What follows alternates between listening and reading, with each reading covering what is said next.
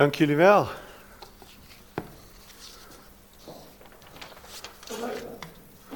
Ja, vrolijke jongens, die mannen van Kansas. In 1978 scoorden ze hun grootste hit ooit met het liedje Dust in the Wind. En eigenlijk als je het thema zo hoort en je hoort het nu eens in je eigen taal, dan denk je, hoe is dat ooit een hit geworden? Het is een prachtig mooie melodie, maar best wel zwaar qua thema. Dat verwacht je niet in de top 40 op een hoge plek. Kaf in de wind, stof. Wij zijn niets, een kaf in de wind. En ergens lijkt het wel alsof je prediker beluistert. Of een vers uit Genesis, waar staat, stof ben je en tot stof zul je weerkeren. Alles vergaat en met al je geld koop je er geen seconde bij. Ja. Niet meteen een lied om lekker mee te brullen in de feesttent, zullen we maar zeggen. En toch sluit het naadloos aan op de lezing uit de psalmen van deze morgen. Een psalm waarin onze menselijke sterfelijkheid wordt benadrukt, wordt overpijnst. We gaan lezen, Psalm 49. Ik lees uit de NBV 21.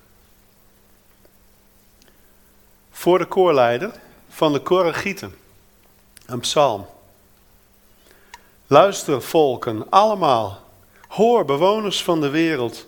Mensen, kinderen van Adam, rijk en arm, iedereen. Mijn mond spreekt wijze woorden. Diepzinnig is wat mijn hart overpijnst. Ik heb een open oor voor raadselspreuken.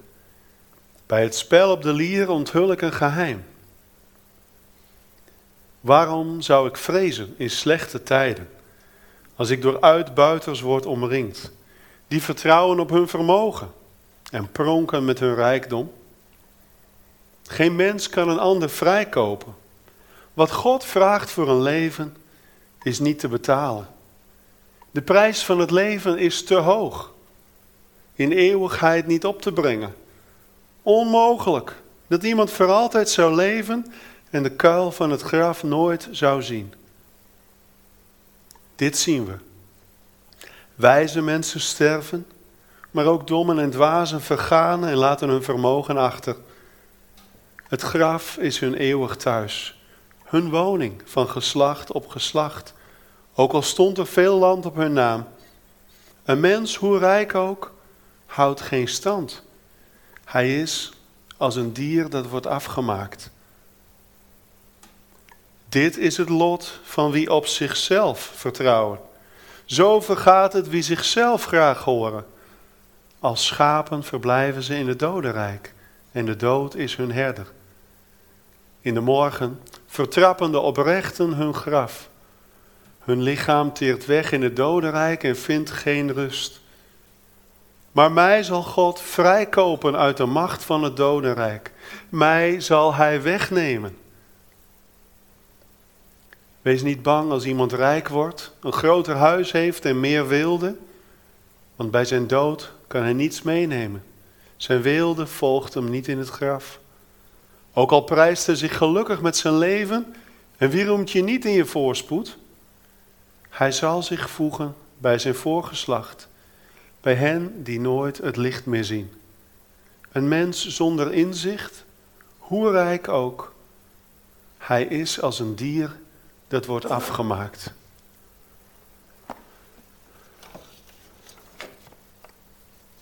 Vrolijke jongens, die tempelzangers van de Koragieten. In deze psalm misschien niet, maar ze hebben ook andere geschreven. Maar van oppervlakkigheid kun je ze niet beschuldigen. Net als prediker die nadenkt over het leven onder de zon en dus ook nadenkt over de dood. Zo zoekt deze psalm naar inzicht en wijsheid. Naar zin en betekenis van dit korte leven, wat onherroepelijk eens eindigt in de dood. En daarmee is het een verhaal dat ons allemaal raakt. De dood slaat immers geen mens over. Daarom nodigt het beginvers ook iedereen uit om te luisteren. Luister, volken, allemaal. Hoor bewoners van de wereld, en je mag dat woord wereld ook vertalen met tijd, bewoners van dit tijdelijke leven. Mensen, rijk en arm, iedereen. Dit gaat ons allemaal aan. Ieder mens krijgt te maken met de dood. Die treft ons allemaal als een medogeloze pijl tussen de ribben. Iemand van wie we houden komt te overlijden. Dat grijpt intens diep in. We hebben het ook het afgelopen jaar een aantal malen meegemaakt in de gemeente. En wat raakt het ons diep. Maar ook, en dat zeggen we liever niet, wij zelf zullen eenmaal sterven. Op een dag ga ik dood. Ligt mijn lichaam in een graf. En ik zei het al, daar denk je liever niet aan. En toch is het onvermijdelijk, zoals we lazen, onmogelijk dat iemand voor altijd zou leven en de kuil van het graf nooit zou zien. Geen mens kan het sterven overslaan. Wat dat betreft is er inderdaad geen verschil tussen mensen en dieren, zegt deze psalm. Ze gaan allebei dood. Je kunt het leven niet vasthouden. Als je het probeert, glipt het je door de vingers. Maar moeten we het daarmee dan doen? Daar zou je depressief van worden. We zijn als een dier dat wordt afgemaakt en dan is het afgelopen. Einde oefening, over en uit. Is dat het dan? Het Oude Testament spreekt inderdaad heel massief over de dood. Er leeft in het Oude Testament nog amper een verwachting over iets daarna. De dood is vooral de onvermijdelijke en harde scheiding.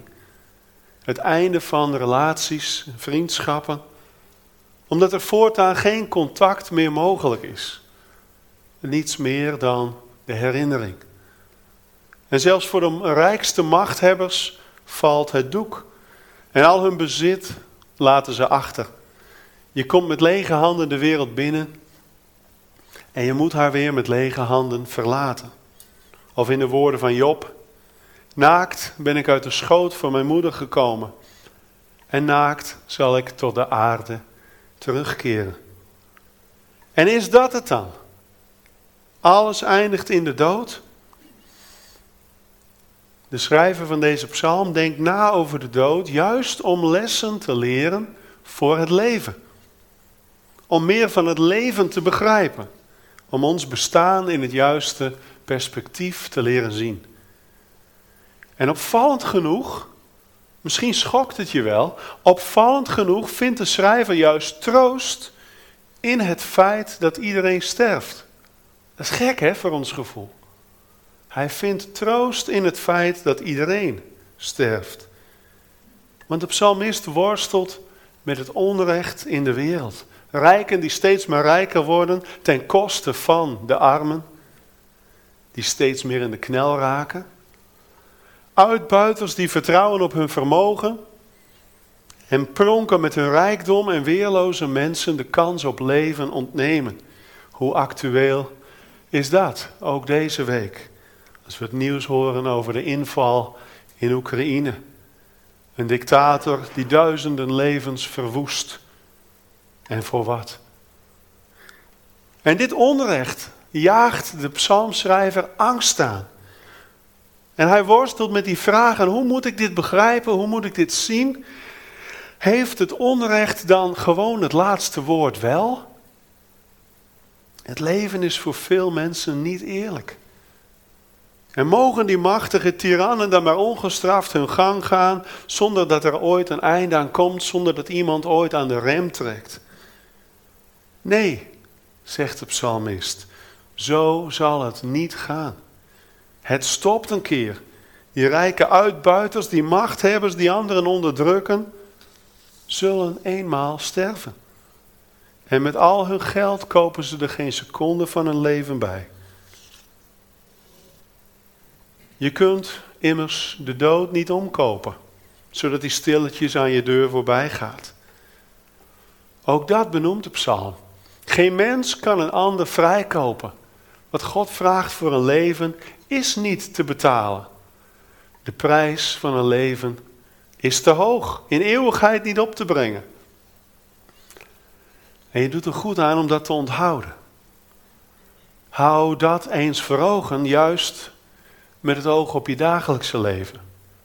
Bijvoorbeeld als je met andere mensen botst. Besef dan dat die ander oneindig kostbaar is. Dat zijn of haar leven in Gods ogen onbetaalbaar is. Als je dat weet, hoe ga je dan met die ander om? Hoe praat je tegen haar? Hoe behandel je hem? Als je weet dat deze persoon voor God van onschatbare waarde is. Maar ditzelfde vers leidt ons ook naar de trieste andere constatering. Hoe graag ik het ook zou willen. Ik kan mijn geliefden niet behoeden voor de dood. Al zou ik een fortuin verzamelen en ik zou het ze willen geven, het baat niets. Ik kan mijn geliefden niet vrijkopen. Ik heb dat niet in de hand. Dat is best een kwetsbare vaststelling. Psalmist schrijft, dit zien we. Wijze mensen sterven, maar ook dommen en dwazen vergaan. En het gaat hier niet over intelligentie, voor alle duidelijkheid. Wijze mensen, dat zijn de gelovigen die trouw zijn aan God. En de dwazen, dat zijn degenen die van God niks willen weten. De goddeloze mensen. Daar gaat dit vers over. Dit zien we, wijze mensen sterven, maar ook dommen en dwazen vergaan. En laten hun vermogen achter. Het graf is hun eeuwig thuis. Ja, als je dat zo leest, dan zou je bijna denken: Nou, dan maakt het ook niet meer uit hoe we leven. Toch? Dan maakt het toch geen enkel verschil meer of je rechtvaardig leeft en God en je medemens lief hebt. Of dat je goddeloos leeft en je medemens kapot maakt. Wat maakt het uit? Nou, heel wat. En de woordkeuze in dit vers kan ons bijna ontgaan. Maar lees eens goed hoe het er staat. Wijze mensen sterven. Dwazen vergaan. In het woord vergaan zit een andere lading dan in het woord sterven. Sterven moet iedereen. Maar in het woord vergaan klinkt iets van oordeel door. Zo iemand heeft afgedaan. Hij is als een dier dat wordt afgemaakt. En de psalmist zegt, dat is het lot van wie op zichzelf vertrouwen en die niets met God te maken wil hebben. Zo vergaat het wie zichzelf graag horen. Als schapen verblijven ze in het dodenrijk en de dood is hun herder. Maar hoe zit het dan met het lot van mensen die niet op zichzelf, maar juist op God vertrouwen? Mensen die ook in het dal van de schaduw van de dood zich vasthouden aan die ene beleidenis: De Heer is mijn herder. En ik vrees geen kwaad, want u bent met mij.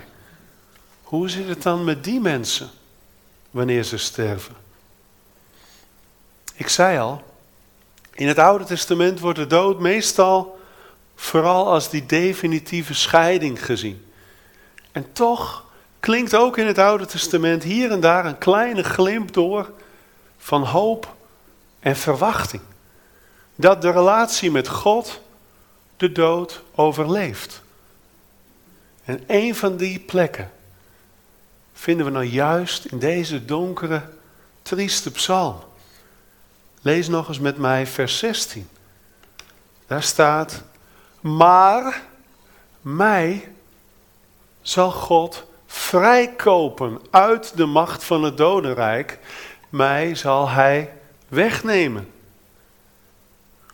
Dus precies dat wat geen mens voor zichzelf of een ander kan doen, iemand vrijkopen uit de dood, dat doet God zelf voor degenen die op Hem vertrouwen, voor wie bij Hem horen. Hij koopt zijn getrouwen vrij. Niet voor de dood vandaan, zodat ze de dood niet zien. Iedereen zal immers sterven. Maar God redt ons uit de dood vandaan. Mij zal God vrijkopen uit de macht van het dodenrijk. En dan staat erachter, mij zal hij wegnemen. Dat betekent dat God degene die op hem vertrouwen, bij zich neemt wanneer zij sterven. De dood scheidt ons van elkaar, maar niet van God. Hij haalt ons bij zich, hij verwelkomt ons bij hem thuis. En precies datzelfde woord wegnemen, wat we in dit vers zien, zien we ook in Psalm 73. Ook daar is er onderscheid tussen de dood van goddeloze mensen en de hoop van de rechtvaardigen. En dan lees je Psalm 73 vanaf vers 23. Nu weet ik mij altijd bij u. U houdt mij aan de hand en, en leidt mij volgens uw plan. Dan neemt u mij weg, hetzelfde woord, met eer bekleed. Wie op God vertrouwt, zal ook na het sterven bij Hem zijn. En die hoop ligt in deze psalm al op. En over het hoe en het wanneer is hier nog niet veel duidelijk. Er straalt een voorzichtig licht door een kiertje in het donker van de dood. Een kleine glimp waarin iets oplicht van wat nog zal komen. Meer nog niet, maar het biedt hoop. Als we dan in onze Bijbel verder lezen, dan zien we dat in het Nieuwe Testament het licht volledig doorbreekt. Je ziet het licht stralen wanneer Jezus huilt om Lazarus en hem uit het graf tevoorschijn roept. En Jezus neemt hem bij zich. En bij die gelegenheid zegt hij tegen de zusters van Lazarus: Ik ben de opstanding en het leven. Wie in mij gelooft, zal leven, ook wanneer hij sterft. Nog definitiever zien we het op de paaszondag. Na de dood van Jezus zelf is er diepe rouw.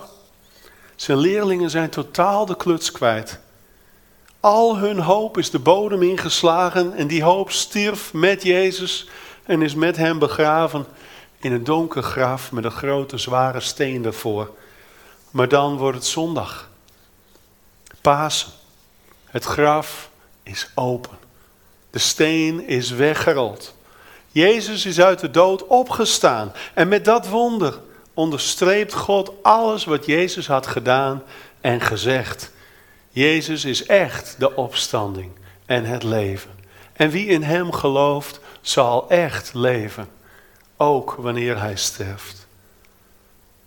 Geen mens kan een ander vrijkopen, zegt deze psalm. En tegelijk, mij zal God vrijkopen uit de macht van het dodenrijk. En in Jezus Christus is God zelf in al zijn volheid lichamelijk aanwezig. En wat geen mens voor zichzelf kan doen, laat staan voor een ander. Hoe graag je ook alles wat je hebt zou geven om je geliefde vrij te kopen van de dood. Datgene doet God zelf. Christus koopt ons vrij. Hij redt ons. Niet voor de dood vandaan, maar uit de dood vandaan. Onmogelijk dat een mens voor altijd zou leven?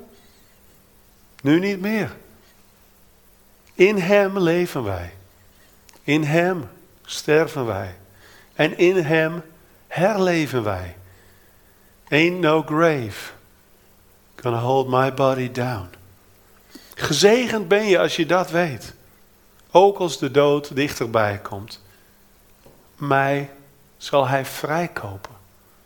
Mij zal hij wegnemen met eer bekleed. Amen.